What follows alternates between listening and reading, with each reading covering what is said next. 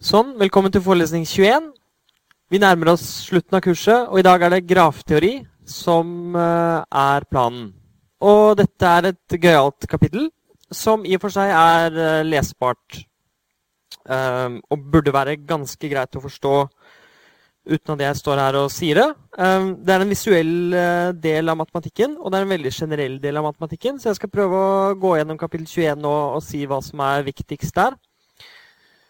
For dere som tar kurset på nytt eller uh, har sett på det som vi har gjort tidligere, så har jeg endret litt på rekkefølgen og på strukturen. Og det skjedde som en konsekvens av at uh, dette ble en lærebok. Så det er litt annerledes opplegg enn det hadde vært uh, tidligere. Og jeg tror det er litt bedre. Så vi skal nå lære oss grunnleggende grafteori. Vi skal definere hva en graf er. Vi skal definere hva en kant og en node er. For det er det grafer består av. Og litt terminologi for å snakke om og kategorisere grafer på en presis måte. På samme måte som vi gjør med alle de andre strukturene, så definerer vi de først, og gir noen eksempler, og så begynner vi å kategorisere dem. og se om det går an å finne noen strukturer. Og nå skal vi snakke om da strukturene i grafene. Du lærer her litt om rettede grafer, komplette grafer og komplementete grafer. Og det er forskjellige egenskaper ved grafer og operasjoner vi kan gjøre på grafer. Vi skal også innom to nå grafteoretiske resultater som gjelder gradene til nodene i en graf. Alt dette skal vi gjøre presist, og til slutt skal vi se på hva det vil si at grafer er isomorfe. Og en liten bekjennelse. Egentlig, egentlig så er grunnen til at vi snakker om grafteori, um, det at jeg har lyst til å snakke om isomorfi. Fordi det begrepet det er så grunnleggende og så fundamentalt. Og grafteori er i min mening den beste måten å forklare det begrepet på. Så jeg håper at uh, dere også setter pris på det. Men det er isomorfibegrepet som er det sentrale i, uh, i, dette kapitlet for min del. Men jeg tror også det er greit å, å, ha en sånn liten introduksjon til grafteori, fordi det er veldig mange som snakker om grafer, og det dukker opp overalt, så det er greit å ha et visst fundament i bunnen uh, når dere arbeider med andre, andre fag. Så dette er altså én måte å gjøre det på. Og notasjonen og terminologien varierer mye fra bok til bok. Um, sånn at hvis dere plukker opp en, en vilkårlig bok, en eller annen bok, uh, og det står om grafteori, så sjekk definisjonene. For det kan hende at det er definert på helt andre måter enn det jeg gjør det. Det er ikke så stort spenn, men det er noen ting jeg skal prøve å kommentere på det innimellom, hvor det faktisk spiller en rolle hvordan grafer er definert. Og jeg definerer nå i år grafer annerledes enn jeg gjorde i fjor, faktisk.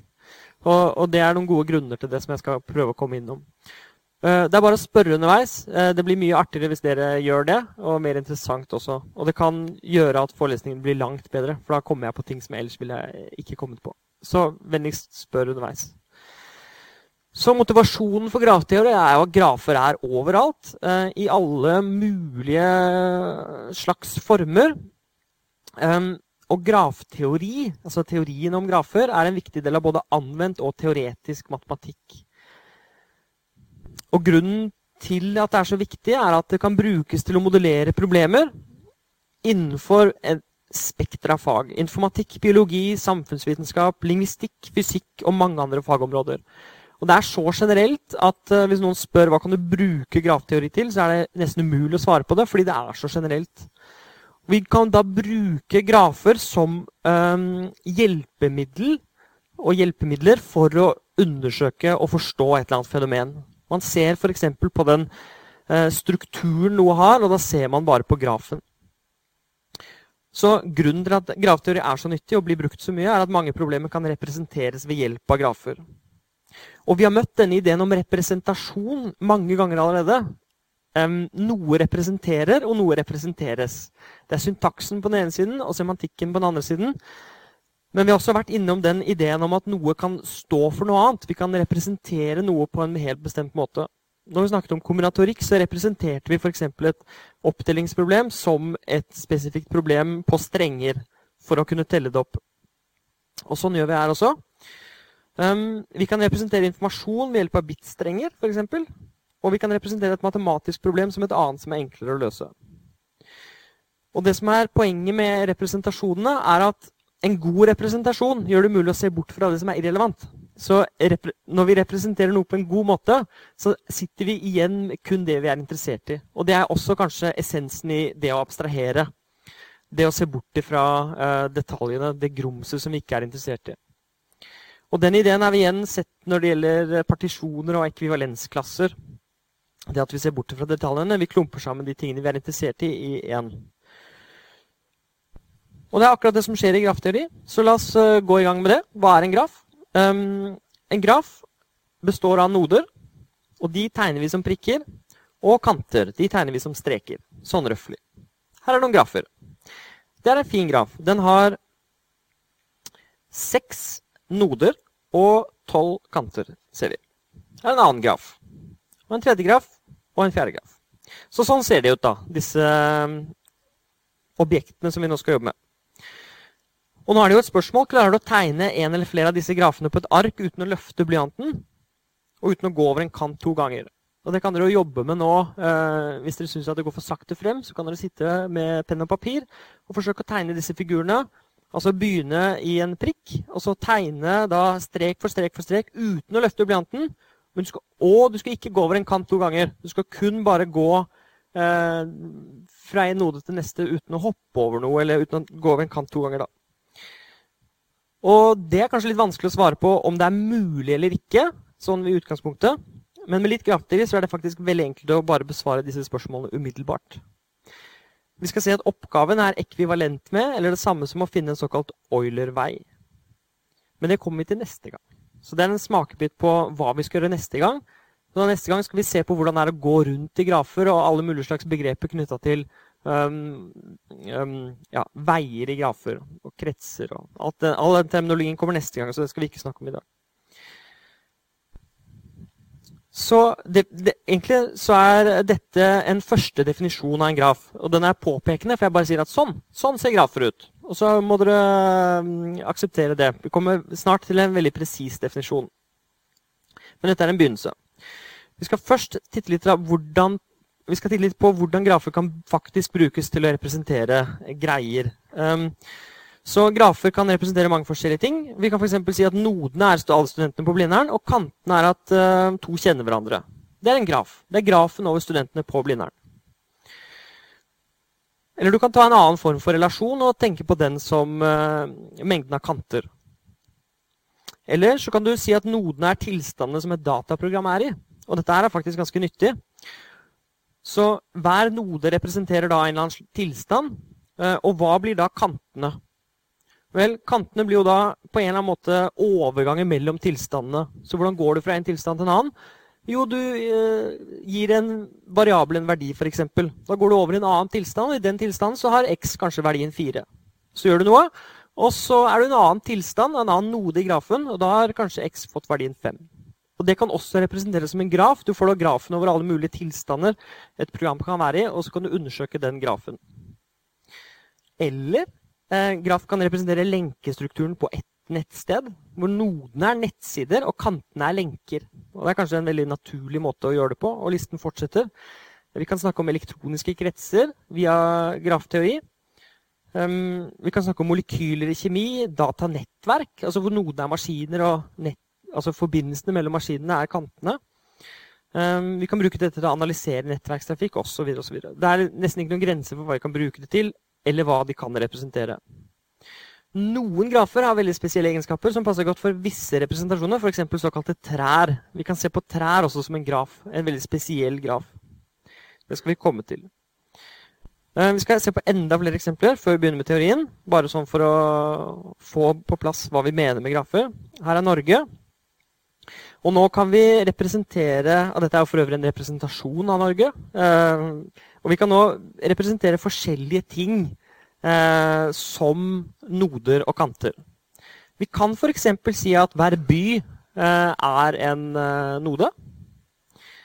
Um, og så kan vi si at kantene det er eh, veiene som går mellom. Eller vi kan si at nodene er fylkene. Og kantene er grensene mellom. Så hvis to eh, fylker har en grense som er felles, så sier vi at det er en kant mellom. Og det er mange måter å gjøre det på, og avhengig av hva du er ute etter, så må du representere det på en måte. Det som er interessant er at Når du er ferdig med det, så kan du bare glemme det underliggende kartet, og så kan du jobbe med kun den strukturen. Avhengig av hvordan du representerte det, og hva du ønsket å representere. Forhåpentligvis har du gjort det riktig, og så jobber man videre kun med den. Dette er bare for å motivere hvorfor vi jobber med grafteori i det hele tatt. Eller eh, vi kan ta et veinett, eh, sånn som dette f.eks. Det er bare sånn, litt sånn kunstig veinett. Og så kan vi la hvert kryss svare til en node. Så hvor skal vi nå ha noder, og hva er det som blir noder? Og da sier jeg at her, um, her så må man velge. Um, hvis man kjører, så må man velge venstre. Hvis man kommer herfra, så kan man velge å kjøre opp eller så kan man velge å kjøre ned. Så det, er, det kvalifiserer som et kryss. Men uh, her oppe Eh, så har du jo ikke noe valg. Altså hvis du kommer kjørende her, så må du ta til Så det som gjenstår, og det som blir nodene, er jo de punktene som jeg har markert der. Det er der du har et valg. Og da blir jo veiene um, som forbinder kryssene, de vil, kan vi representere som kanter. Og da kan vi legge på kantene på denne måten. Men da er vi jo faktisk ikke interessert i veiene. Så når vi har tegnet opp grafen, så kan vi resonnere om den istedenfor selve veinettet. Og du kan godt si at veinettet har denne strukturen. og Så kan man jobbe med den grafen og glemme denne veien. Og dette er jo egentlig det man gjør når man abstraherer. Man tar noe, og så fjerner man noe. Jeg er ikke interessert i at det var en høyresving akkurat oppe til venstre her. Jeg er ikke interessert i det. Jeg er interessert i hva, hvilke kryss som henger sammen med hvilke kryss. For eksempel. det kunne vært andre ting jeg var interessert i, og da ville jeg kanskje tegnet en annen, annen graf. Så det var de motiverende eksemplene. Og da må vi definere. Prøve å gjøre dette litt presist. Og begynne å snakke om begreper om grafer. Så definisjonen av en graf er følgende. En graf, G, består av en endelig ikke-tom mengde V. Det er det første. Så vi skal ha noe som ikke er tomt, og det er en mengde V. Og den skal være endelig. Og allerede nå har jeg begrenset oss til endelige grafer. Beklager, men vi skal ikke jobbe med uendelige grafer. Sånn er det. Kunne ha gjort det, men eh, det gjør ikke. Og mengden V består av noder. Og nå er det jo disse engelske begrepene hvor de faktisk kommer inn og er litt annerledes enn de norske. På engelsk så heter det vertex i entall og vertices i flertall. Så en, en vertex er altså en node, og det er det vi tegner som prikker. Og Det er derfor den store V-en brukes for å betegne mengden av noder. Og så tar vi en mengde E av kanter. Og kanter på engelsk heter edges. Og det er disse vi tegner som streker. Så noder og kanter er ordene vi skal bruke for å snakke om det som finnes i en graf. Og vi legger merke til at eh, mengden E eh, godt kan være tom. Det er ingen eh, begrensning på den mengden. Men det er noen krav. Og det er at hver kant i E skal være en mengde bestående av to elementer. U og V hvor U og V er to forskjellige noder. Sånn at en kant representeres som en, eller, og er en mengde av to noder. Det er en veldig abstrakt måte å gjøre det på, men, men det vi er interessert i når det gjelder nodene, er å si disse to, disse to nodene de er um, forbundet med hverandre. De er naboer, de skal, de skal forbindes, og her er kanten som forbinder dem hvilken måte er ikke naturligere da enn å bare si at kanten det er mengden av de to?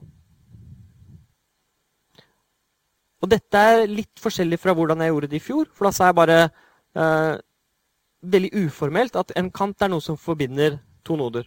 Og så sa jeg ikke noe mer om hvordan blir, kantene blir representert, eller hva vi, hva vi, gjør med dem. Men nå skal vi altså gjøre det. Vi, vi, tenker på en kant som bare en mengde av to noder.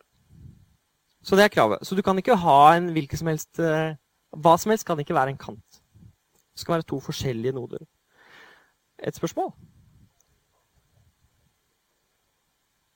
Når, du, Spørsmålet var disse bokstavene. Det er de vi faktisk må bruke. ikke sant? Um, I stedet for at det bare skulle være en plassholder eller, eller noe sånt. Um, jeg vil si at det er en konvensjon å bruke VAI, men du må ikke. Du kan si at uh, her er en mengde med noder N. Her er en mengde med kanter K. Og så går man i gang, og så sier man at G uh, består da av disse. Grafen, eller grafen H består av disse. Altså, så, så, disse bokstavene vi bruker, er konvensjoner, men dere må ikke bruke dem. Um, men det er lurt, og det er derfor jeg bruker V og E istedenfor uh, K og, eller N og K. Uh, bare for at dere skal venne dere til det. For det, det er veldig vanlig å si uh, G og V og E i engelsk litteratur når man leser om grafer. Så det er grunnen til at jeg også gjør det.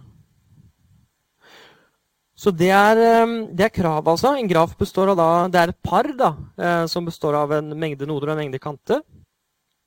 Og vi skal da ta to forskjellige noder. Så, så i denne definisjonen så kan vi ikke forbinde en node med seg selv. Ok? Det følger av denne definisjonen. Du kan ikke forbinde en node med seg selv. Og så kommer det litt terminologi som også er, eh, som er bra å kjenne til. Vi sier at kanten der, som er mengden som består av UAV, forbinder UAV. og det ordet 'forbinder' eh, bruker vi hele tiden. Så en kant forbinder to noder med hverandre. Og vi sier også at kanten ligger inntil nodene. På engelsk så er det 'incident' eller 'incident to', så man sier at en, en kant ligger inntil eh, nodene.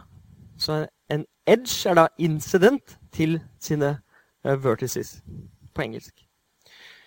Um, to noder kalles naboer, eller 'adjacent' på engelsk, hvis de forbindes av en kant.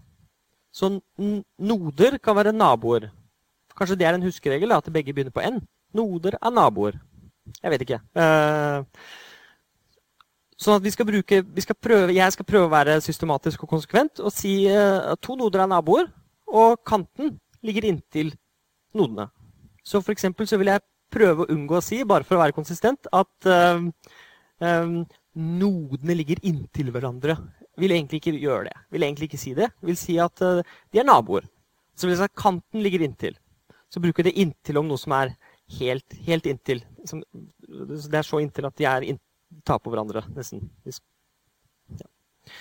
OK, fint. Um, men dette kan vi jo bare gå tilbake til og slå på hvis vi blir usikre. Så uh, Vanligvis tegner vi kanter som linjer og noder som prikker, sirkler eller andre symboler.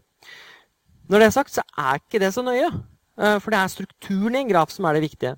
Hvis dere plutselig begynner å tegne noder som kryss eller bokstaver, eller, det er greit, det. Det går faktisk helt fint. Eller hvis dere lager tegner litt sånn tredimensjonale, så går det også fint. Um, det som er viktig, er strukturen. Det vil si hvilke noder som er forbundet med hvilke via en kant. Og Det er det som er strukturen. Det er det vi er interessert i. Og Det er derfor definisjonen egentlig kun snakker om en mengde av noe, altså en mengde av kanter. Fordi da har man abstrahert så mye at det bare er mengder igjen. Og, og, den definisjonen avhenger ikke av hvordan du tegner opp. Du kan tegne med grønn, blå eller rød penn. spiller ingen rolle, For det er en mengde du egentlig tegner opp. Eller et par av mengder av en mengde kanter og en mengde noder. Så vi bryr oss f.eks. ikke om hvor lange kantene er, eller hvilken farge de har, eller om det er bøyd eller ikke. Så er det noen spørsmål til denne definisjonen. Er det noe som jeg kan gjøre klart? Der er det et spørsmål. Ja, spørsmålet var lille u og lille v. Er det elementer i eh, store V? Og det er riktig. Og Grunnen til det er at det står at store V skal være en ikke-tom mengde av noder. Og da defineres begrepet node til å være det som er oppi den mengden store V. Og så sier vi i neste setning eh, Vi sier at eh, Eller Hver kant i E er en mengde som består av lille u og lille v, hvor lille u og lille v er to forskjellige noder. Og, og, og, da brukes begrepet noder, som ble da definert i forutsetning, uh, som det som er oppi v. Og, det som er opp, og så vil dere kanskje spørre hva er den som egentlig er oppi v. Det kan dere gjøre hva dere vil med. Det kan være, Nodene kan f.eks. være tall. Det er helt greit, det. Eller strenger. Eller tegn. Uh, men hele poenget er at det som vi har oppi den store V-mengden, det er det vi fra det tidspunktet av kaller nodene. Så det kan godt være siffer, eller det kan godt være dataprogrammer eller datamaskiner eller mennesker. Eller. Så nodene er det, per definisjon det som er oppi store V. Det var et veldig bra spørsmål. Er det andre spørsmål som, som kan oppklare denne definisjonen? Eller gjøre den mer interessant? Ja, der. Ja, det kommer masse eksempler. Men da tar vi eksemplene, siden det var det du etterlyste. Så her er fire grafer. Og dette er fire forskjellige tegninger av akkurat den samme grafen. Her er A, B, C og D. I alle fire tegningene uh, så er det nodene. Og hvis de to til venstre, så er de faktisk skrevet uh, på nodene. Og den nummer to der så er de sånn, ser ut som baller. Og de to til høyre så er det ikke skrevet navn på nodene. Og det er greit, det. Dette er fire, fire forskjellige måter å tegne dem på. Og E, F, G og H det er kanter. Og man ser at jeg har begynt å skrive nodene med store bokstaver og kantene med små. Og det er en grei konvensjon. Det er ikke nødvendig å gjøre det. Det er bare en grei konvensjon. Og så kan vi se f.eks. kanten E mm, ligger inntil nodene A og B. Det ser vi f.eks. her. Så E ligger inntil de to. Eh, B og C her og her, de er naboer. Fordi de forbindes av en kant. Og så må vi alltid si hva som ikke er naboer. Og D og B de er ikke naboer. Så, da har vi sagt hva de ikke er også. Så det er det. Eh, det er en graf. Og det at det ikke er noen unik måte å tegne på en graf på, er ikke begrenset til hvordan vi tegner nodene og kantene. Altså, eh, det, ikke, det må tegne strekene og prikkene forskjellige. Um, det er andre måter å variere det på. Så nå skal vi se på noen paragrafer som har samme underliggende struktur, men som er bare tegnet på forskjellige måter, men som faktisk er de samme grafene. Og det vi kan forestille oss nå, er at kantene er elastiske, at de faktisk er laget av strikk eller noe. At vi flytter omkring på nodene. Um, så det er, dette er et sånt spill med noen regler som vi ikke kan bryte. Så la oss bare se på denne grafen her. Det er den samme som den grafen der. Dette er to måter å tegne den samme grafen på. Og nå begynner det faktisk å bli litt interessant, fordi um, det er ganske vanskelig uh, å avgjøre uh, automatisk f.eks. hvorvidt to grafer er den samme eller ikke. Så, men i dette tilfellet så ser vi det at hvis vi tar den der Jeg skulle dessverre ha animert dette, men jeg, beklageligvis så har jeg ikke tid til uh, å gjøre alt. Så hvordan kan vi få den ene til å bli den andre? Jo, vi kan f.eks. ta de to der og bare bytte plass på dem. Vi kan forestille oss at dette her er litt sånn eh, strikk. Um, og da skal jeg faktisk tegne den ene rød. Den rød.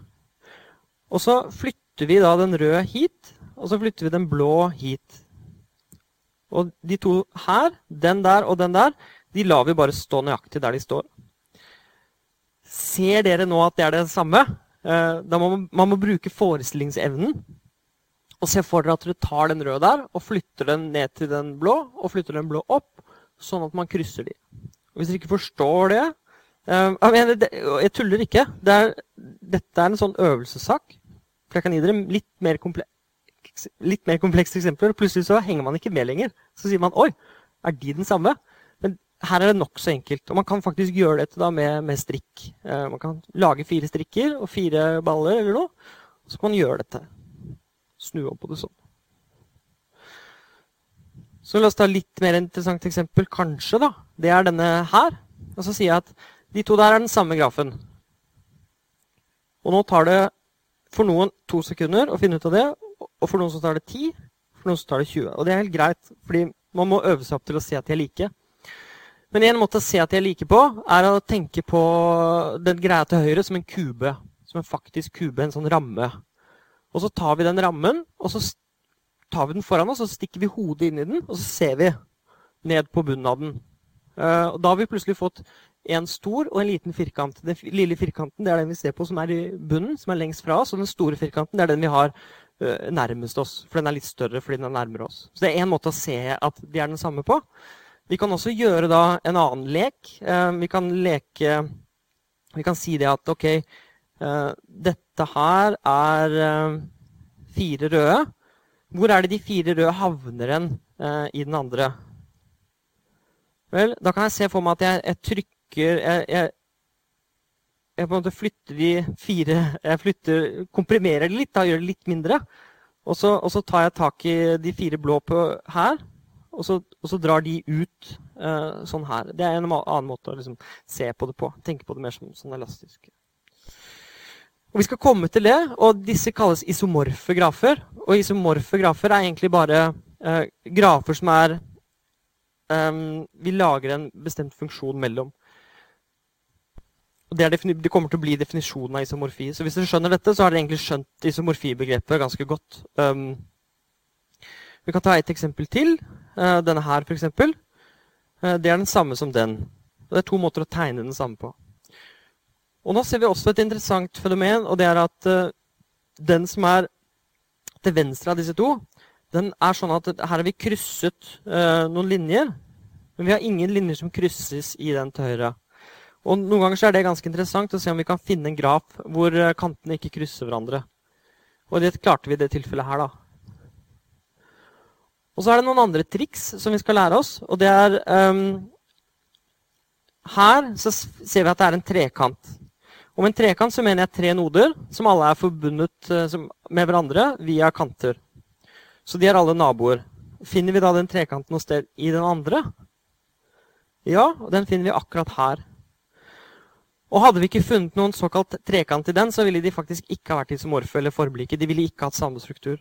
Og det er faktisk en måte å bevise på at to grafer ikke er den samme grafen. Det er å si at å ja, den har en egenskap som den andre ikke har. Og derfor kan de ikke være den samme. Ehm, det er også en firkant. Her er det en firkant. Ser dere den firkanten? Hvor er den firkanten i den andre? Den er her. Sånn og sånn og sånn. Og det er egentlig akkurat det vi så i, i, i den, de to grafene over. For det var en firkant som ikke hadde krysset kantene, og den til høyre over der hadde krysset kantene. Da refererer jeg til eh, denne her og denne her. Og det samme er da tilfellet her. Her har du en firkant i blått som, hvor kantene er krysset, og her har du en hvor de ikke er krysset. Ja, og sånn kan vi holde på, holde på, holde på. Et spørsmål fra salen.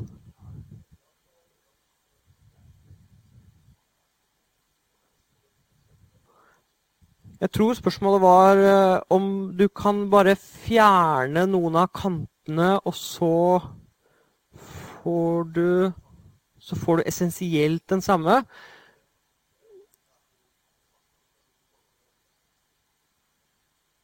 Jeg skjønner ikke helt spørsmålet, for du, sier, eh, du snakker om å fjerne noder. Og hvis du fjerner noder Nei, nei, da glemmer vi det. For det er, en, det er en operasjon på grafer som vi faktisk aldri skal snakke om. Vi kan fjerne kanter. Det er enkelt å gjøre. For plopp kan fjerne en kant. Bare for å nevne det, Problemet med å fjerne noder er jo at du må også da fjerne alle eh, kantene eh, som ligger inntil den noden. Du kan ikke ha noen kanter der uten en node. ikke sant? Eh, så, så, det var grunnen til at jeg sa det. Men du sier fjerne noen kanter, og da får du jo en annen graf. Det er det jeg uh, reagerer på. Hvis du, fjerner, hvis du, har to grafer som er like, og du fjerner en kant i den ene, da får du to forskjellige grafer. Du får aldri den samme grafen hvis du fjerner en kant. Så, så, derfor så skjønte jeg ikke spørsmålet. Det å bare ta bort en, Hvis du har en graf, og så tar du bort en kant, da får du jo aldri den samme grafen tilbake. Fordi en enkel måte å begrunne det på er å si at ta en graf og tell kantene. Å ja, den har ti kanter. Hvis du fjerner en kant, så har den ni. Og da kan det umulig være den samme grafen. Fordi skal det være den samme grafen, så må det være akkurat den samme underliggende strukturen Man må ha de samme nodene og essensielt de samme kantene. Når det er sagt, så identifiserer vi da disse grafparene som er her. La oss ta enda et eksempel. Eh, den der det er på en måte en sånn veldig fin sekskant. Vi kan også tegne den sånn, hvis vi tuller det til litt. Og igjen så kan vi se at uh, den som er blå der, har flyttet seg ned dit. Og den som er rød her nede, har flyttet seg opp dit. Og De andre står stille.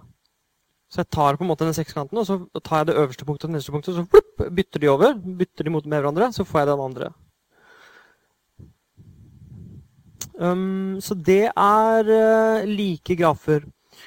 Vi skal ha isomorfibegrepet mye mer generelt. så at Hvis du har en graf på den ene siden med, med tall som, som, som, nodene, som mengden av noder, så har du en annen her borte hvor, hvor mengden av noder er dataprogrammer så skal vi også lage en isomorfi mellom dem. Det skal vi komme til. Um, det gjør vi uh, på, ved å resonnere på akkurat denne måten som jeg har beskrevet her.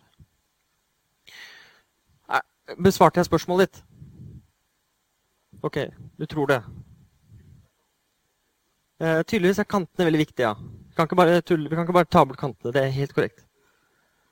Du ser usynlige kanter. Men det skal vi komme til. Vi skal komme til usynlige kanter og, og sånt. Så det kommer litt senere. Vi lagrer det spørsmålet, og så kommer vi tilbake til det når vi har snakket om komplementet til grafer. For da skal vi gjøre operasjoner på grafer hvor vi ser på de kantene som ikke er med. Hadde du et spørsmål?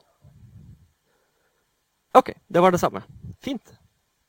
Men da går jeg videre hvis det ikke er noen spørsmål. Så suser vi Nå har vi god fart her. Bra moment, syns jeg andre måter å definere grafer på. Vi må snakke litt om de andre rare tingene. fordi jeg har faktisk definert bort veldig mye i den definisjonen av graf.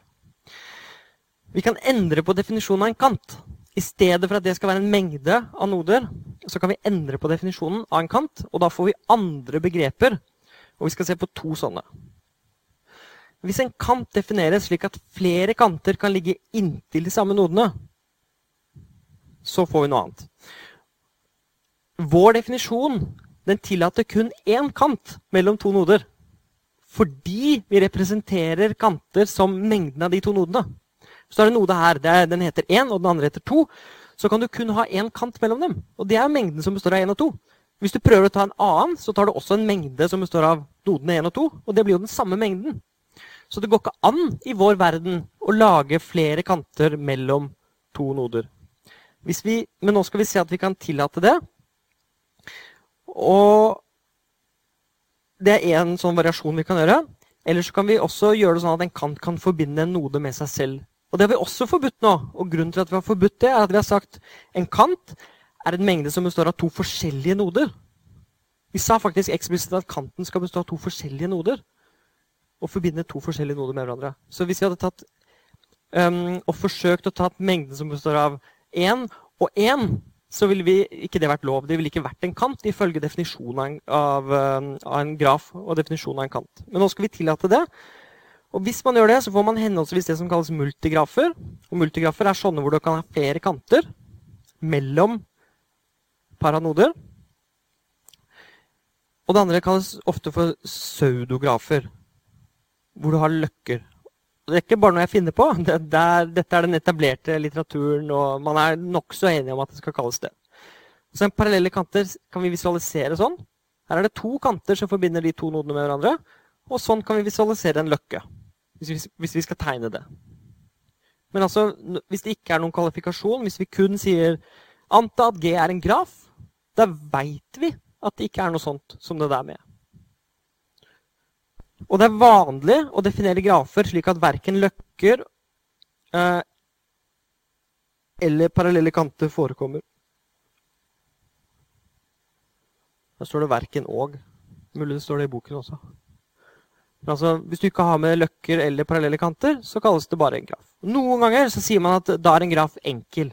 Så man virkelig har lyst til å si at det er en graf, og er, den er sånn som den er definert, det er ikke noe tull, da sier man la G være en enkel graf. Men egentlig er det overflødig, fordi grafer er enkle per definisjon. Men i noen bøker så tillater man um, parallelle kanter som en del av grafbegrepet. Og da må man kvalifisere. Da må man si la G være en enkel graf. Og det er noen ting som holder for enkle grafer, som ikke holder for alle grafer.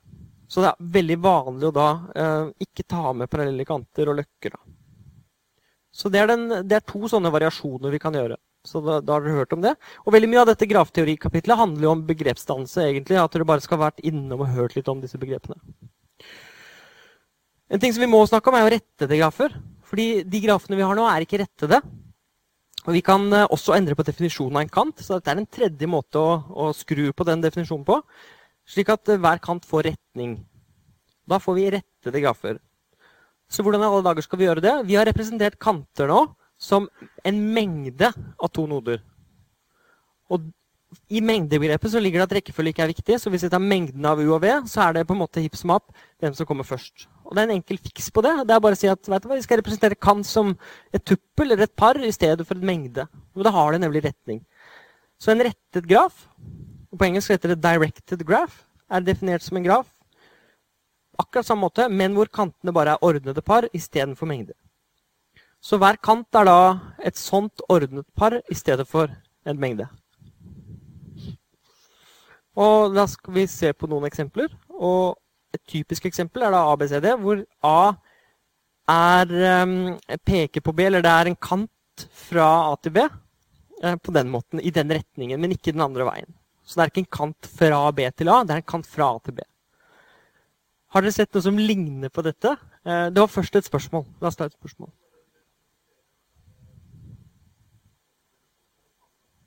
Spørsmålet var hvis vi bare roterer dette rundt, er det da den samme grafen? Og nå er det sånn at Vi skal definere isomorfi og begrepet om samme graf kun for vanlige grafer og ikke for rettede grafer. Med, med, en definisjon av isomorfi for rettede grafer så ville vi også fått at de var isomorfe. For de hadde den samme strukturen. Og strukturen er jo da fire stykker som alle er relatert til hverandre i rekkefølge som en sånn løkkegreie. Jeg skal ikke misbruke ordet løkke, vi skal presisere dette etter uka. Og få en finkornet sånn uh, ord, vokabular om dette. Uh, greit. Men har dere sett noe som ligner på sånne ting som det der? Relasjoner, ja. Så her er det en kobling mellom grafteori og, og relasjoner. Fordi dette, denne grafen blir jo faktisk nå en mengde av ordnede par. Paret AB, paret BC, paret CD, paret DA. Så rettede grafer er faktisk ikke noe annet enn relasjoner. Et spørsmål der? Det du sa var Du kan ikke ha symmetriske eller refleksive relasjoner. da. Eh, når du definerer en rettet graf, hvis du gjør det akkurat sånn som det står der, så er absolutt alt lov. Da, er, da har du en mengde noder, og så skal du lage en mengde kanter som kun er ordnede par av, uh, av noder UV. Hvis du tillater, og da tillater du at det går en kant både fra A til B og fra B til A. Um, to, du kan ikke ha to kanter fra A til B. Da ville du fått en multigraf som også var rettet. Um, ikke, det kommer litt an på definisjonen av um, hvorvidt U og, v, U og, V, skal være to forskjellige elementer. Men hvis man da har alt stående likt som den forrige definisjonen, så skal U og V faktisk være forskjellige uh, noder også her. Og, og, da vil du ikke kunne ha uh, A er relatert til A uten videre. Da ville du fått en pseudograf som var rettet. det vi skal få med oss, og det som er det viktige, er at relasjoner og rettede grafer det er det samme. Ja. Og det er en tredje måte å beskrive de på, uh, som er sånn. Dette her ble, gjorde vi også når det gjaldt uh, relasjoner. Og det var å lage en tabell. Og den tabellen forteller oss bare hva som er relatert til hva. Hvor, dette er da kantene som noe går fra. Og så er det hva de går til. Det er det her. Og fordi A går til B, så er det et ett-tall der. Uh, B går ikke til A, så her uh, er det da ikke et ett-tall. Så sånn, sånn, leser vi de eh, tabellene. Og da kommer spørsmålet, som er litt utfordrende kanskje, men hva er eh, vanlige grafer? eh, I terminologien vår som handler om relasjoner. For vi kan masse om relasjoner. Vi kan si hva de er. Vi har masse egenskaper. Hva er um, grafer i den terminologien? Med, hvis du skal forklare noen hva en graf er, og så, og så, kan de du skal forklare det til, kan masse om relasjoner. Hvordan kan du da bruke det for å for, la dem forstå hva en graf er? Uh, ja? Ja. Det du sa var, Da må vi inn med begrepet symmetri. Da må vi si at det er en symmetrisk eh, relasjon. Og det er riktig. Vanlige grafer det er det samme som symmetriske relasjoner. Så vi kunne brukt den terminologien. Fordi da, vi er ikke interessert i hvilken vei det går. Så hvis det går den ene veien, så går den andre også. Vi er kun interessert i at de faktisk er kobla med hverandre. Så vi kan tenke på grafer som symmetriske relasjoner. Punktum. Og så kommer dette med irrefleksiv vind, da, hvis man også skal ha med det. Uh, at, de er, uh, at, ingenting er relatert til seg selv. Så man kan godt si symmetrisk og irrefleksiv. da, At ingenting er relatert til seg selv. Ok, bra. Er det noen spørsmål til, uh, til dette før vi da suser videre? Nå skal vi snart se på egenskaper ved grafer. Vi kan ta én ting til. Vi kan ta et eksempel på en rettet graf. Og sånne flytdiagrammer de er jo egentlig bare rettede grafer. Og dette er et diagram som uh, representerer et program. Så dette er en måte å uttrykke et program på. Um, og her står det at vi først skal lese inn et tall, store N, og så skal vi sette S til å være lik 1. Da har vi oppi her eh, N, som er input, og da finner vi på en input. Nå skal vi se om vi kan skjønne hva dette programmet gjør. Input er 3. Bare la oss finne på et eller annet. Og S skal vi sette lik 1. Ok? Og da går vi ned her. Er n større enn 0? Nei. Ja, n er lik 3, har jeg funnet ut. Det, jeg kan godt sette lik her, faktisk. n er lik 3. Uh, eh, da er det ja. Da går vi her. Sett s er lik s uh, ganger n. Oi. Ok, da må vi gjøre det, da. Uh, da må vi stryke den. For det står at vi skal endre på noe. Vi skal bruke ett-tallet til å være 1 ganger 3. Det blir 3, da. Sånn. Så går vi ned her. Oi, nå skal n endres også. n skal endres til 2. Så går vi opp. Er n fortsatt større enn 0? Ja, n er jo lik 2. Da er vi her. Så skal vi sette s lik s ganger n. Hva er s ganger n? S ganger n er jo 6. Det er jo 2 ganger 3. Så da setter jeg den til å være 6. Og så går jeg ned hit igjen. Sett n lik n minus 1. Da får jeg 1. n større enn 0. Ja, den er 1. Da må vi gå her igjen, da. Sett s er lik s ganger n. Ja, det var lett. Fordi noe ganger 1. For 1 er identitetselementet når det er multiplikasjon. Så da blir det 6. Så kommer jeg ned hit. Og så skal n settes 1 mindre. Oi, nå blir det spennende. Jeg vet ikke om dere syns det er spennende, men jeg syns det er kjempespennende. Ja, da ble det null. Er n større enn null? Nei. Kjempefin. Returner s. Den returner til 6. Så den fikk 3 som input, og den returnerte 6 som svar. Hvilken funksjon er dette? Det begynner på F. Fakultetsfunksjonen. Bra. Og da tar vi pause. Da fortsetter vi. Så nå har vi sett mange former for grafer, og nå skal vi begynne å se på egenskapene til grafene. Er det noen interessante egenskaper de har? Går det an å kategorisere de på en eller annen måte? Og hva er det som er interessant egentlig i denne grafteoriverdenen? Det første vi skal se, er at en graf kan være tom. På samme måte som en mengde kan være tom. Hva betyr det? Vi har jo sagt at det må være minst én eh, node med. Det er ikke lov å ha null noder. Så en tom graf er ikke det samme som å ikke ha noen noder. Det er det samme som å ikke ha noen kanter. Så definisjonen av en tom graf det er at en graf uten kanter kalles en tom graf. Det kalles også en nullgraf. Så hvis dere kommer over det begrepet, så er det ikke noe annet enn en kant Nei, ikke en kant uten graf, men en graf uten kant. Ja. Dette er eksempler på tomme grafer. Så helt til venstre så er det én graf som består av én node, og så er det en som består av to, og en som består av tre, osv. Eller hvis man vil ta i, så kan man si at mengden av alle disse er én stor graf med masse noder. Men det går ut på ett. Um, det er ingen kanter i disse. Den andre egenskapen er at en graf kan være komplett. Og det betyr uh, på en måte at den er universell, at den har alle av noe. En definisjon av en komplett graf er bare at en enkel graf er komplett. Og her sier vi enkel for å virkelig bare si at den skal være enkel. Ingen parallelle kanter, ingen løkker. Hvis hver node er nabo med enhver annen node. Så alt skal være naboer med alt i en komplett graf. Den komplette grafen med n noder kalles Kn, hvor n er den lille. La oss se på noen eksempler på komplette grafer. Dette er den komplette grafen med tre noder. Dette er den komplette grafen med fire noder. Og det tallet under det er ikke antall noder, det er antall kanter. Ser dere at det er seks kanter i den grafen? Ja, det er fire rundt og to i midten. La oss se på den komplette grafen med fem noder. Den ser sånn ut. La oss bekrefte først at det er en komplett graf. Ja, velg to vilkårlige noder. Da må de være naboer.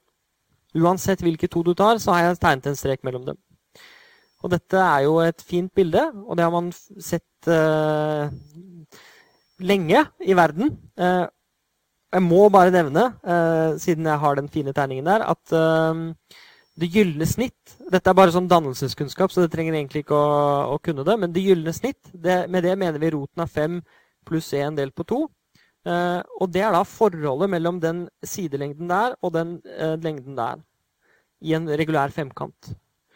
Og den dukker opp mange steder, og det gylne snitt er altså eh, det tallet der, som er 1,6180339 et eller annet. Jeg husker ikke. Um, og det er altså forholdet mellom lengdene i en sånn regulær femkant. Det er mange andre måter å definere det gylne snitt på. Du popper opp både her og der. Uh, jeg ser du har en hånd i været. Spørsmålet er om komplette grafer er transitive. Nå er transitiv en egenskap som eh, gjelder for relasjoner. Så for å svare på det spørsmålet så må jeg tolke grafen som en eh, relasjon, en symmetrisk relasjon. Og så spør du om uh, den er transitiv. Og den er um, Egentlig ikke det. Uh, fordi elementene er jo ikke relatert til seg selv.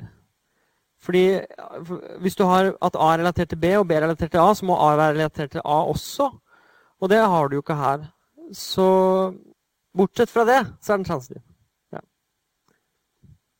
Sånn. Det var, men dette, altså det med gyllesnitt har jo ikke noe med grapteori å gjøre. Det har med hvordan vi, for det er avhengig av hvordan vi tegner opp femkanten. Vi kunne godt tegnet om den på en måte som var litt skeiv, og da ville vi ikke hatt det forholdet. Så det tallet er avhengig av hvordan du tegner den opp. Og, og nå har jeg tegnet den opp regulært. da. Hvor mange kanter er det i den? Det er ti. Fint. Og dette er da eh, en regulær sekskant. Den er også fin. Hvor mange kanter er den? Jo, den har 15 kanter. Man kan telle. Eh, og for 7 så er det 21. For 8 så er det 28. Og så videre. Og fordi jeg har datamaskin, så kan jeg bare fortsette og fortsette. og fortsette. En av de fine tingene med datamaskiner er at uh, hvis du får en sånn idé, så kan du tegne opp alle. Jeg har ikke sittet og tegnet disse for hånd, for å si det sånn. Uh, det er to ting jeg har lyst til å snakke om om disse. For det første, kjenner dere igjen disse tallene? 3, 6, 10, 15, 21, 28 osv. Du sier at de er triangulære tall, og det er helt riktig. Husker du vi så på triangulære tall i, i kapittelet om rekursive funksjoner? Hvis du, hvis du setter opp bowlingkjegler hvis du setter opp tre stykker, så får dere tre bowlingkjegler. Hvis du setter opp eh, en bowlingkjegle sånn i tre rader, så får dere seks. Og så at Hver gang jeg gjør det, så legger jeg til en ny rad. Så, og det kan dere også se her, at her plusser jeg på tre kanter. Her plusser jeg på fire kanter. Her plusser jeg på fem kanter. Her plusser jeg på seks kanter, og her plusser jeg på sju kanter, osv. Og, og den strukturen dukker også opp uh, her så det er riktig. Men det er en annen ting som, uh, som jeg vil uh, kommentere på også. Og det er noe fra kombinatorikk. Og disse tallene dukker opp i kombinatorikk også. Og hvordan kan vi uttrykke de eh, ved hjelp av binomialkoeffisienter? Jeg har egentlig ikke lyst til å gi dere svaret, men jeg skal hinte til det.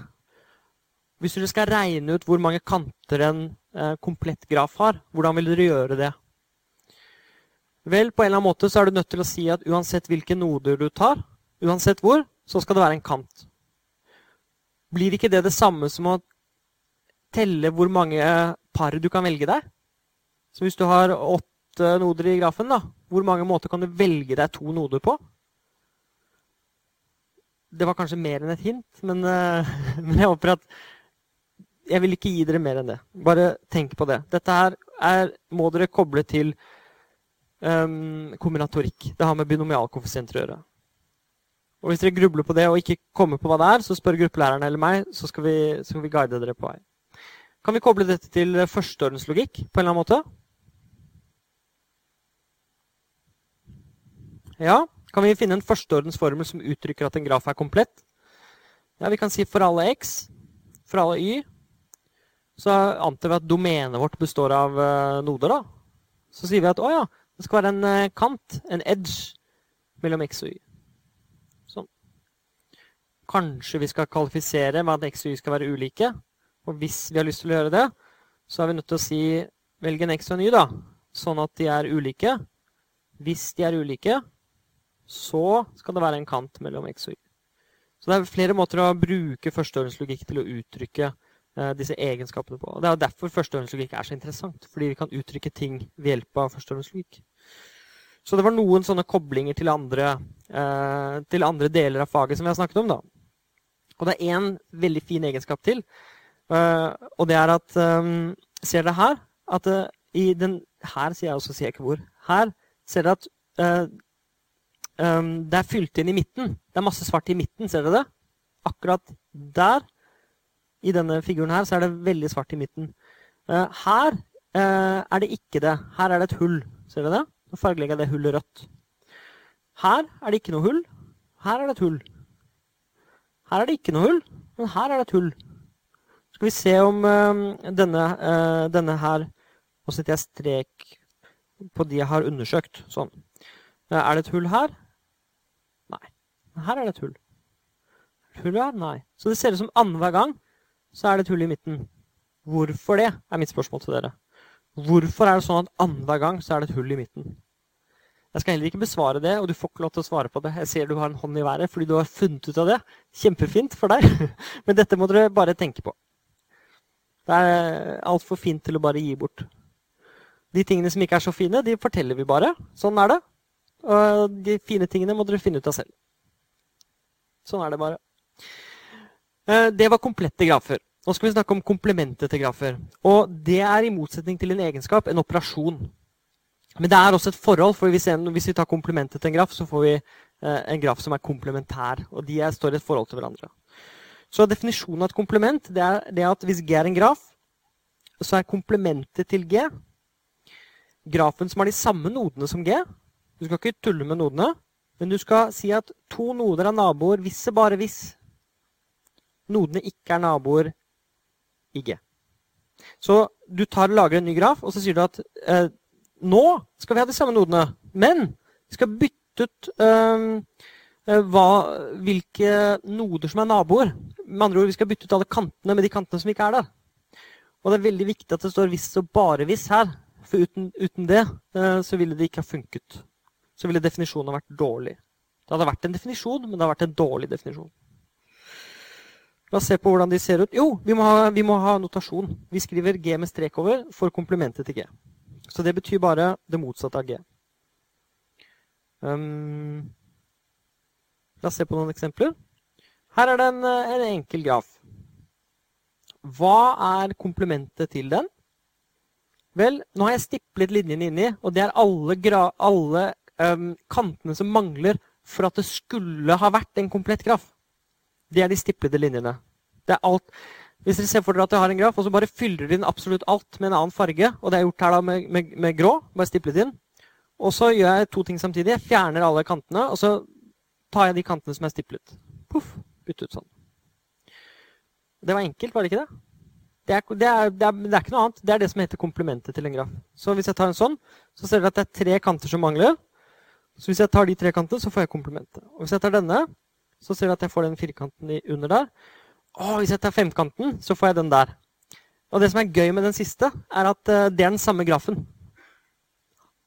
Uh, og du får ikke noen ny graf når du tar komplementet. Og det er litt rart. Uh, fordi i alle kontekster, når du tar det motsatte av noe, eller komplementet til noe, så får du noe annet. Og Derfor så kalles disse to grafene selvkomplementære. Og Så sitter noen av dere og lurer på er det den samme grafen. Eh, ja, eh, hvis du tar den femkanten på høyre side, eller eh, pentagrammet, og så bare bikker dere den ut, eh, så får dere den regulære femkanten. Man kan også gjøre det veldig systematisk og begynne å sette tall på de. Det er én, det er én, det er to, eh, det er to. Det er tre. Oi, da ble det tre. Og det er fire. Ja, da ble det fire, da. Fem. Fem. Og 51. Sånn. Så det er en annen måte å gjøre det på, helt systematisk. Er det noen spørsmål til dette? Det var eh, begrepet om eh, komplementær graf. Ingen spørsmål? Ok. Da skal vi snakke om to grafteoretiske resultater. Og nå skal vi begynne med matematikken i dette og se om det er noe interessant ved grafer som vi skal undersøke. Um, og det vi skal se på, er to resultater som er helt klassiske og veldig vanlige å gjennomgå. Og de er um, nokså enkle og kanskje litt sånn uinteressante i seg selv. Men de brukes veldig ofte i grafteori for å, for for å bevise andre ting. Så det, grunnen til at det er med her, er flere. Uh, det er noen vanlige resultater. Det er eksempler på egenskaper ved grafer som vi kan regne på og finne ut av. Ehm, det er nyttig i mange sammenhenger, og det er greit å ha hørt om. Men fremfor alt så er det øvingsmateriale, egentlig. Øve, å øve oss på å bevise ting, og øve, oss, øve, det blikket vårt opp til å identifisere interessante ting. Um, nå skal vi se på noen kjente resultater, to kjente resultater om grafer. Uh, og begge har å gjøre med antallet kanter som ligger inntil en node. Og det kaller vi for graden til en node. Um, så graden til en node, på engelsk er det degree til en node V det er eh, antallet kanter som ligger inntil V. En løkke teller som to kanter hvis nå vi er sånn at vi har med løkker. og det kan hende at vi har med det. Og så har vi notasjon for det, og det er bare deg. Deg V. Og deg er da en funksjon, og den funksjonen tar en node inn. Og så gir den et tall ut, som er antallet kanter som ligger inntil den noden. Det er det. Um, en node med grad null kalles isolert alene isolert. Det kalles isolert. Alene er det jeg tenker når jeg hører ordet isolert. Uh, ok, Vi må se på et eksempel. Um, en enkel måte, og den måten jeg foretrekker å gjøre det på, um, til, um, å finne graden til en node på, er ved å tegne en sirkel rundt noden, og så teller du hvor mange kanter du, du nå, uh, som skjærer den sirkelen. Og Denne metoden funker så bra, for den funker også med løkker og parallelle kanter. hvis vi da har det. La oss se på følgende eksempel. Dette er en fin graf. Den er tegnet sånn for å nettopp være eksempel på akkurat det vi skal se nå. Um, uh, hvis jeg nå tegner en sirkel rundt den noden der, ser dere det? Uh, så skjærte den ingen linjer, og derfor har den grad null, og den er uh, isolert. Hvis tegner en sirkel rundt den, hvor mange kanter skjærte den? Den skjærte én kant, og da har den grad 1. Nå tegner jeg en sirkel rundt den, og da får jeg grad 2. Nå får jeg grad 3, og her har vi plutselig noen parallelle kanter. Så dette her er en multigraf. Grad 3. Og den har også grad 3. Akkurat samme måte. Og den der har grad 4, for der er det fire kanter som går ut. Og så helt borterst har vi en løkke. Så dette er en sånn pseudograf. Og tar vi en sirkel rundt den, så får vi tre kanter. Så den har grad 3. Sånn. Det var det. Da kan vi eh, identifisere hva en grad er. Og igjen så må vi stille oss disse spørsmålene. Hva er grad en egenskap eh, ved, eller hva er det som har en grad? På hvilke ting kan vi anvende ordet grad? Kan vi anvende det på graf? Nei. På kant? Nei. På node? Ja. Så det er, en, det er en egenskap ved, eller noe som en node har. En node har en grad. Ikke noe annet. En node har en grad alltid gjør den testen. Det, hvis dere hører en adjektiv i vitenskap eh, eller i et eller annet kurs, så må dere alltid ta den sjekken. Hva er det det er en egenskap ved? Og nå, da, uh, nå er det en egenskap ved node. Så det første resultatet er at summen av gradene til noden i en graf er noe. Og det um, vi skal se da, er egentlig det. Så jeg har egentlig lyst til å sammen med dere prøve å resonnere litt grann, uh, høyt. Og nå skal jeg tegne en liten graf. Um, la oss tegne Her er en node. Er det en graf? Sånn? Sånn som det står nå? Det er den tomme grafen. Det er, det er lov. Det er greit. Um, um, OK, nå skal vi gjøre noe. Uh, hva er graden til den? Det er null. Enig? Den samme som isolert, ja. Grad null og isolert er den samme. Uh, og da skriver vi null her. OK, fint. Så tar vi en uh, node til her nede. Hvor eh, mange mm, noder har vi nå? Det er to. Hva er graden til nodene? Det er null. Så summen er null. Nå skjer det noe spennende. Nå tegner jeg en kant. Hva er graden til den første noden? 1. Hva er graden til den andre noden? 1. Hva er summen av gradene til nodene? 2. Summen av gradene til nodene er 2. Da tegner jeg en uh, ny node. Den er en node der borte. Hva er nå graden til den? Det er null, så summen til gradene er fremdeles to.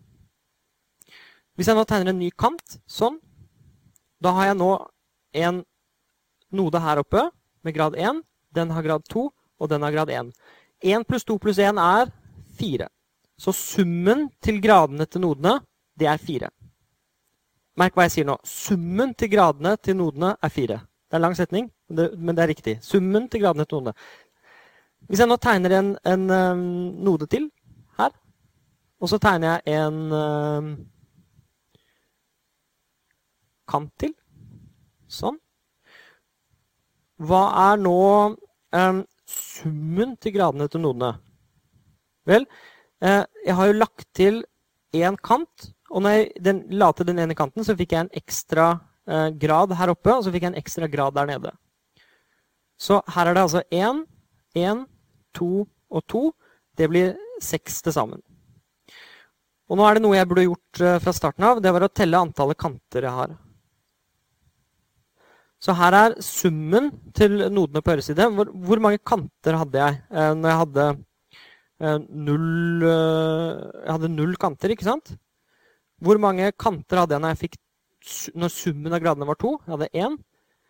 Og det virker som det er et mønster her, for nå har jeg tre kanter. Er dere enig i det? Og summen til gradene til noden er seks. Se hva som skjer nå når jeg legger til én kant til. Nå legger jeg til en kant til her oppe. Nå ser vi at den økte graden sin med én. Så du det?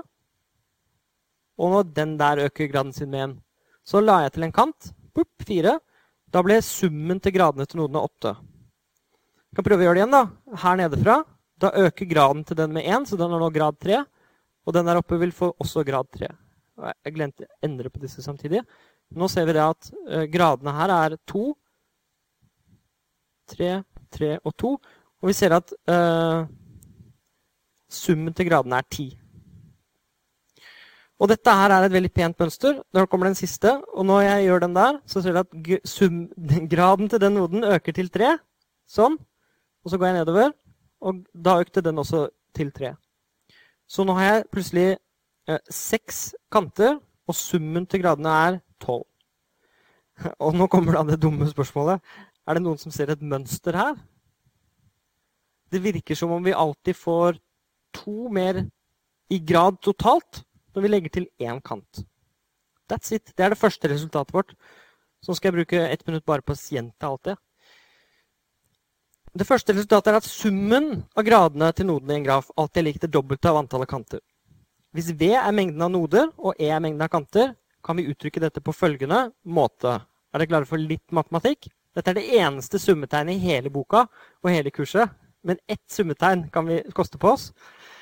Og her står det eh, summen av gradene til nodene V, hvor V er en node i store V, er lik to ganger antallet kanter. Akkurat det som står der. Dette leser vi som at summen av deg V for alle V i V er lik to ganger antall elementer i E. Vi kan forestille oss at vi begynner med kun nodene og legger til alle kantene én etter én. Og når jeg sier 'forestille oss', så betyr jo det at vi har fått grafen. Um, og så kan vi se for oss hvordan den har blitt til. Og det er faktisk sånn at dere kan definere grafer induktivt. Og hvis man da begynner med en tom graf, så kan man si at ok, du har en graf. Da kan du få en ny graf hvis du legger til eh, en node eller legger til en kant. Så kan man fortsette sånn, og så bygger man opp eh, induktivt mengden av eh, grafer. Og da vil man kunne bevise dette induktivt. Okay. Bra. Er det noen spørsmål til dette her? For hver kant vi legger til, øker altså summen av gradene med to. Eh, ikke en bestemt eh, grad, men summen, den totale mengden grad, eh, øker med to. Det er det, eneste. Um, hvis vi Hvis vi legger sammen gradene til alle nodene, vil hver kant telle to ganger, siden hver kant ligger inntil to noder. Og nå har jeg sagt det samme på så mange måter at jeg tror at Hvis vi bare skal se på et eksempel Her er en graf.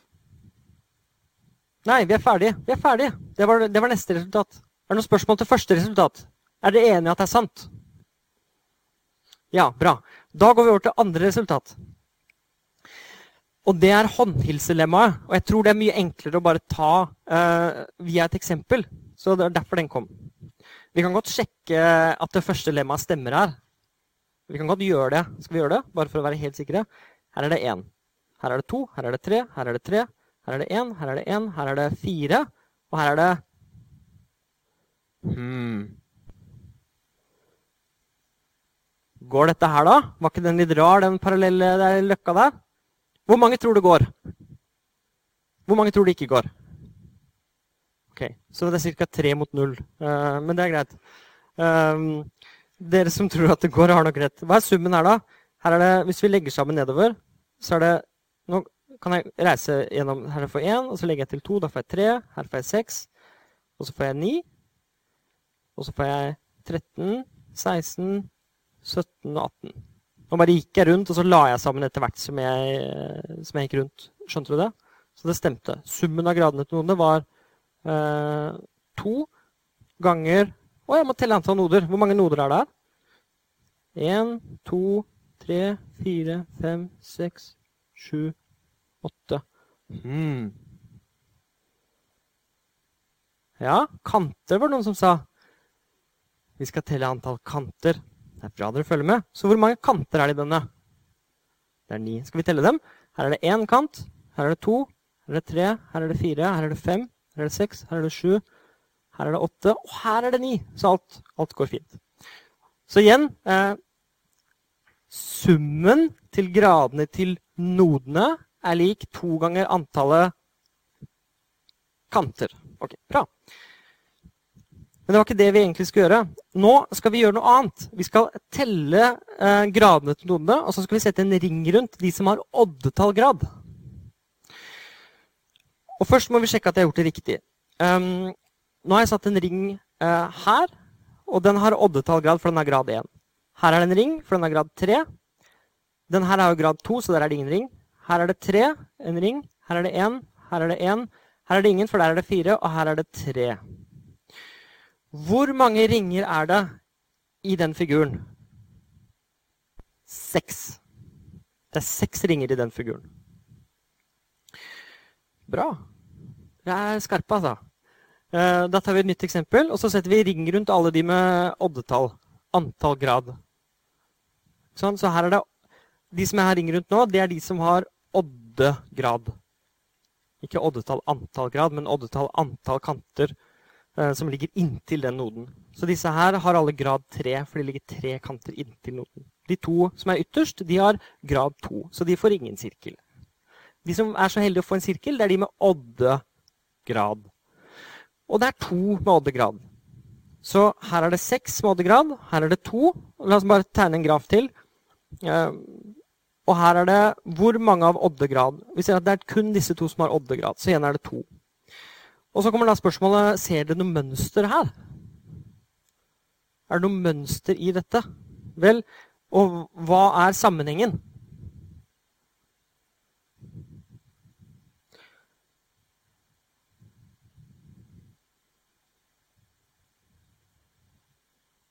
Ja, du. Ja.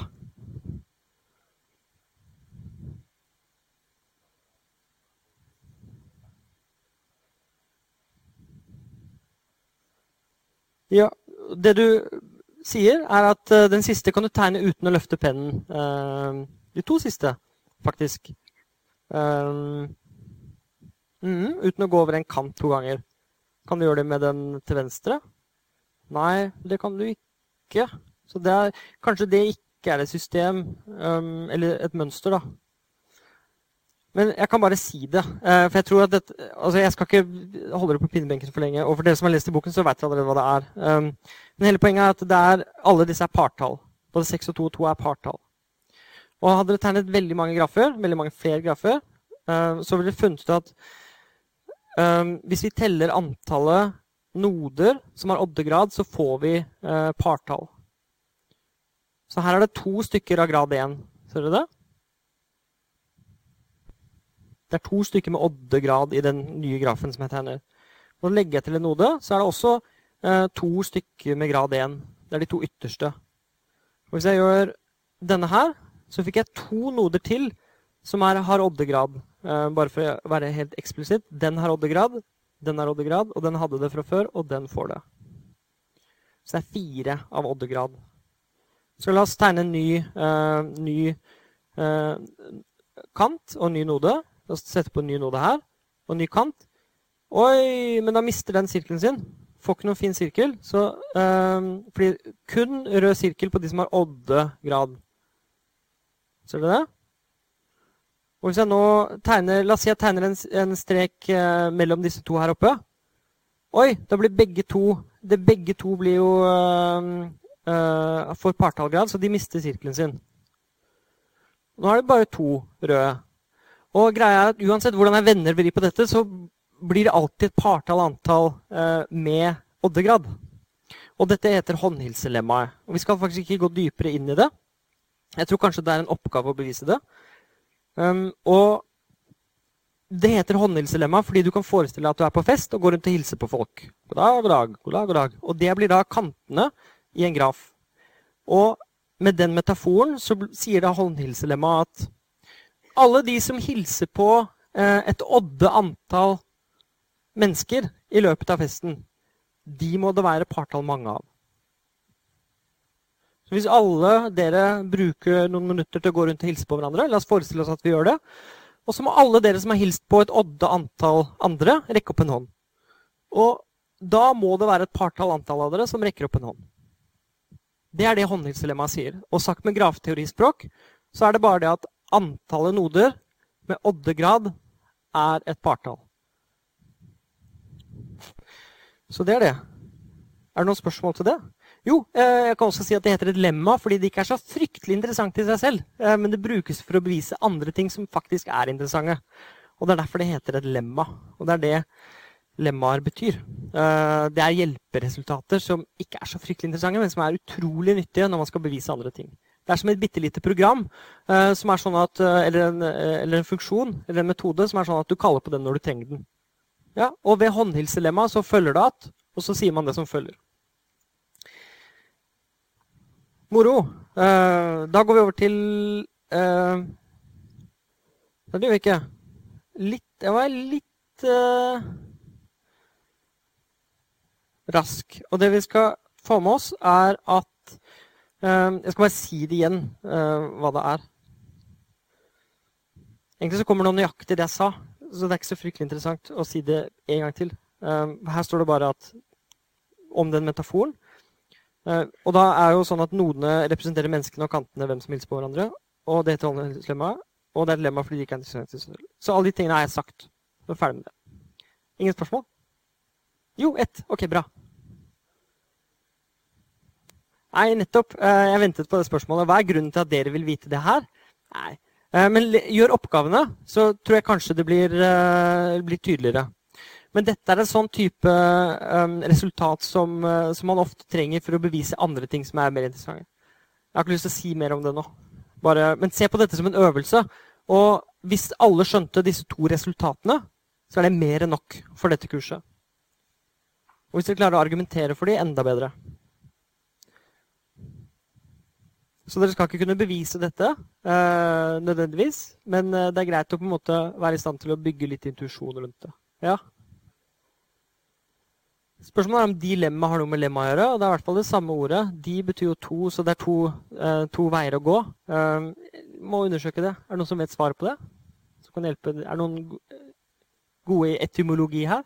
Som kan forklare hvorfor det dilemmaet har med lemma å gjøre? Må, vi må finne ut av det. Vi finner ut av det neste gang. Ok. Eh, til slutt isomorfier. Eh, og nemlig grunnen til at vi snakker om eh, grafteori, eller en av grunnene. Isomorf isomorfi betyr formlik. Um, så begrepet isomorfi er faktisk et av de viktigste i matematikk. fordi det man ofte er ute etter, er å si at noe har samme form. Um, og um, ordet kommer fra gresk og betyr formlik. Altså isomorfi. Iso betyr lik, og morf betyr form. Så isomorfe objekter kan ha samme form, men kan ha ulikt innhold. Og dette begrepet kjenner vi f.eks. fra geometri. Hvis jeg tegner en, en trekant her, så ser vi at det er den samme trekanten, den er bare skalert opp eller skalert ned. Ellers så ser vi at den også er lik den hvis den er bare rotert rundt. Så alle disse her har samme form. Alle er likesidede trekanter. Kan tegne skjevt. Og jeg kan tegne litt sånn. Så vi kan se at alle disse trekantene har forskjellige innhold, eller tegnet på forskjellige måter, men har samme form. Og det er så utrolig nyttig å kunne identifisere hva som har samme form.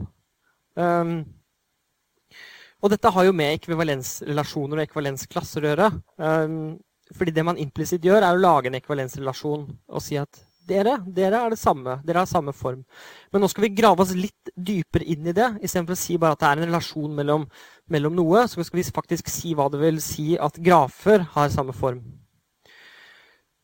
Generelt så sier vi at to matematiske objekter er isomorfe hvis de er strukturelt like. Og det er veldig mye som kan være strukturelt like, selv om de har forskjellig innhold.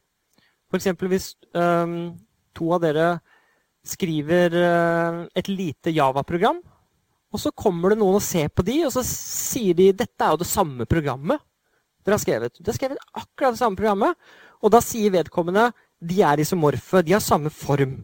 Det kan hende at du har brukt variabelen x og du har brukt variabelen y, men de har samme form, de har samme struktur. De gjør essensielt det samme.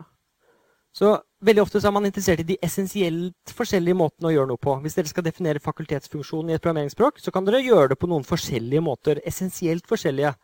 Men veldig mange av dem kommer til å ha samme form. Og, veldig, og da er de isomorfe i en viss forstand. Så isomorfibegrepet kan man bruke omtrent om alt. Jeg kan si dere er isomorfe. Dere er alle mennesker. Og da har jeg ett isomorfibegrep. Eller så kan jeg gjøre det mye mer finkornet og si at uh, det er omtrent 50-50 uh, eh, av dere. Er, dere er like, og dere er like. Eller så kan jeg si at alle er ulike. Igjen på samme måte som dette med partisjoner og ekvivalensrelasjoner og ekvivalensklasser. Så, Nå skal vi gjøre det med grafer. og Hvis vi har tegnet opp to grafer og kan komme fra den ene til den andre ved å flytte rundt på nodene og endre lengdene på kantene, så er de isomorfe. Så, Det er den intuitive måten. Hvis dere har en graf og kan eh, transformere den til den andre, eller gjøre om den til den andre, med sånn gummistrikk-transformasjoner, så er de isomorfe. Og det er noen regler her, og reglene er du har ikke lov til å klippe en kant i to. Eller klippe en strikk i to. Du har ikke lov til å bare plutselig poff, så har du to kanter der hvor det var én. Eller at det plutselig blir to noder der det var én. Sånne ting er ikke lov. Så det er noen regler i det spillet. Du har lov til å flytte rundt på nodene, og kantene må henge med. Du kan f.eks. ikke legge de oppå hverandre øh, og smelte de sammen, sånn at det blir én node, og alt slår seg sammen. Det er ikke en lovlig transformasjon. Så det å komme fra den ene til den andre øh, det kan man godt bruke som en definisjon hvis man gjør det helt presist og forteller alle reglene. Og Nå kommer det noen flere eksempler. Dette er en graf. og Dette er kanskje det gøyaleste eksempelet jeg vet om. fordi vi, vi, har allerede sett at disse to grafene her er like. ikke sant? Vi sa det hvis du titter inni en kube. Jeg, jeg skulle hatt med meg det, for jeg har en sånn. Um, men man kan lage seg en sånn, da. Men uh, hvis vi snur rundt på de fire i midten, ser dere at jeg gjorde det? Um, så får vi dette bildet her. Så de to som er markert med rødt her nå, de er de samme som rødt der nede. Jeg flytter de ned, og så flytter de to andre opp. Litt vanskelig å se for seg det som noe man faktisk ser på sånn fysisk. Da ser man ikke lenger på det samme objektet, men man flytter litt rundt på nodene. Eh, og nå kommer da eh, litt av overraskelsen, i hvert fall for min del, at disse to er også den samme eh, grafen. Det er bare to forskjellige måter å tegne dem på. Og en måte å se det på er at jeg kan ta jeg må gjøre det riktig. Um, jeg kan ta den der og den der og flytte, bytte posisjon på de, sånn at det blir disse to her. Bare vrir, vrir på de. Ser dere at alt annet står likt, og det er kun de der som bytter posisjon. Så alle kantene, bortsett fra den kanten der og den kanten her, havner her. Og den kanten her, den havner her. Og alle de andre kantene står stille. Um, så, og så kan jeg eh, være helt sånn vill og gæren. Jeg kan flytte den der opp hit. Eller rettere sagt opp hit. Og da får jeg det bildet der. Og det er den samme grafen. Og hvis jeg gjør det samme på andre siden, eller, um, så får jeg den der. Og dette er den samme grafen, um, og de er isomorfe. Eller så kan jeg tegne den opp sånn her. Og det ser vi ligner veldig mye på denne her. Fordi han har bare uh, rotert den. Og det, det, var mye enklere transformasjon. Men jeg har igjen flyttet rundt på nodene. Og så er det denne. og Den syns jeg er så morsom, fordi um, Se for deg at du titter ned i kuben. Du ser ned i den. Og så tar du det øverste laget, og så vrir du det øverste laget 90 grader. Så på en måte, uh, du vrir liksom alt bitte litt. Da får du den der. Eller den der. Hvis du tar nå og ser ned i eh, kuben, og så tar du de, de to, um, to, nederste nå visualiserer dette, og så drar de den veien, og så de øverste drar den veien, uh, så får du det bildet der. Så alle disse ni grafene er isomorfe. Og det er ikke så fryktelig enkelt å se det uh, hvis, ikke man, hvis ikke det hadde fått det fortalt. Så Det er ganske kreativ øvelse faktisk, å avgjøre om to grafer er isomorfe, for de kan se helt forskjellige ut. Og faktisk så er det et av de store uløste problemene i informatikk. hvis dere har lyst til å gyve løs på Det det er å lage effektive algoritmer eh, for å avgjøre om to grafer er isomorfe. Det er det faktisk ingen som har klart å lage effektive programmer for. Eh, det er ekvivalent med ett av millenniumsproblemene som man vinner 1 million eh, dollar for å løse. Ja. ja. Så det du sa var uh, Vi kan jo skrive om dette til mengder og representere de uh, symbolsk. Og, og, i stedet for å tegne de og flytte rundt på de, manipulere uh, mengdene og listene og alt sånt, og lage programmer som opererer på de. Og det må man jo gjøre hvis man lager programmer for det. Problemet er at det er så mange kombinasjoner um, når det gjelder valg av, av noder. Så med bare noen få hundre noder, så er det forferdelig mange par av noder. Og det er mange måter å velge eh, antallet par på. Ikke bare det, men eh, det er ikke så mange, for de har vi lært er de triangulære tallene. Um, men det er veldig mange måter å lage isomorfier på. Og hvis dere husker tilbake til det bildet av um, de 512 relasjonene som du kan ha på, på, tre elementer, så er det den formen for kompleksitet. For det er så fryktelig mange funksjoner fra eh, en mengde med n-elementer til en mengde med n-elementer på. Og det at det er så forferdelig mange av dem, eh, det gjør det til ikke effektivt å løpe gjennom alle systematisk. Men det er det det dumme programmet vil gjøre. Det er å bare sjekke alle mulige funksjoner om det er en isomorfi. Men jeg har egentlig gått forut for det jeg skal si, for vi har ikke engang definert det um, helt presist. Og det skal vi gjøre nå. Så definisjonen av isomorfi det er at G og H er to grafer. Så det er de to som skal være isomorfe. da. Og så sier vi at en isomorfi fra G til H det er faktisk en biektiv funksjon som vi kaller F, fra noden i den ene til noden i det andre. Det er en isomorfi. Men ikke bare det. Vi skal ha en bieksjon mellom dem. Vi skal også ha noen egenskaper ved eh, den funksjonen. Den skal være slik at Og det er betingelsene her som er viktige. For det er ikke nok å ha en én-til-én-korrespondanse mellom nodene i den ene og nodene i den andre. Fordi de må også passe. Du må, du må matche én node med den noden her borte som matcher. Og for å beskrive hva det vil si at to matcher, så kan vi si at eh, nodene U og V skal være naboer i den ene. Hvis og bare hvis Eh, det det mappes til, eller det det sendes til, skal være naboer i den andre. Og hvis og bare hvis. Så en biksjon er sånn at hvis du tar to som er naboer i den ene, så, og så ser du på hva er det de blir sendt til, da må de også være naboer, og vice versa. Hvis du tar to som er naboer i de de blir sendt til, altså H, så må de komme fra to naboer. Så det vi skal se nå, er noen eksempler på det. Men før vi gjør det, så må vi snakke om litt notasjon. Og det er vanlig å skrive V av G for mengden av nodene i en graf G. Vi kan jo godt ha sagt at G er lik eh, paret som består av V, som er nodene, og E, som er kantene. Eh, det er litt tungvint, så vi bare skriver V av G for mengden av nodene. Og vi kan også på tilsvarende måte skrive E av G for mengden av alle kantene. Bokstaven V eh, brukes fordi noder kalles vertices på engelsk. Og når en graf er enkel, så er det vanlig å skrive AB bare for å representere den kanten. Det vi har lært, er at egentlig så skal den kanten være mengden som består av A, og mengden som består av B. Men så lenge grafen er enkel, så veit vi det at det ikke er noen løkker og ingen parallelle kanter.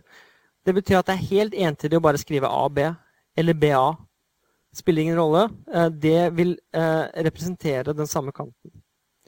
Og det går ikke eh, hvis grafen har parallelle kanter eller løkker, for da vil, da vil det være tvetydig hvilken av de som denne refererer til.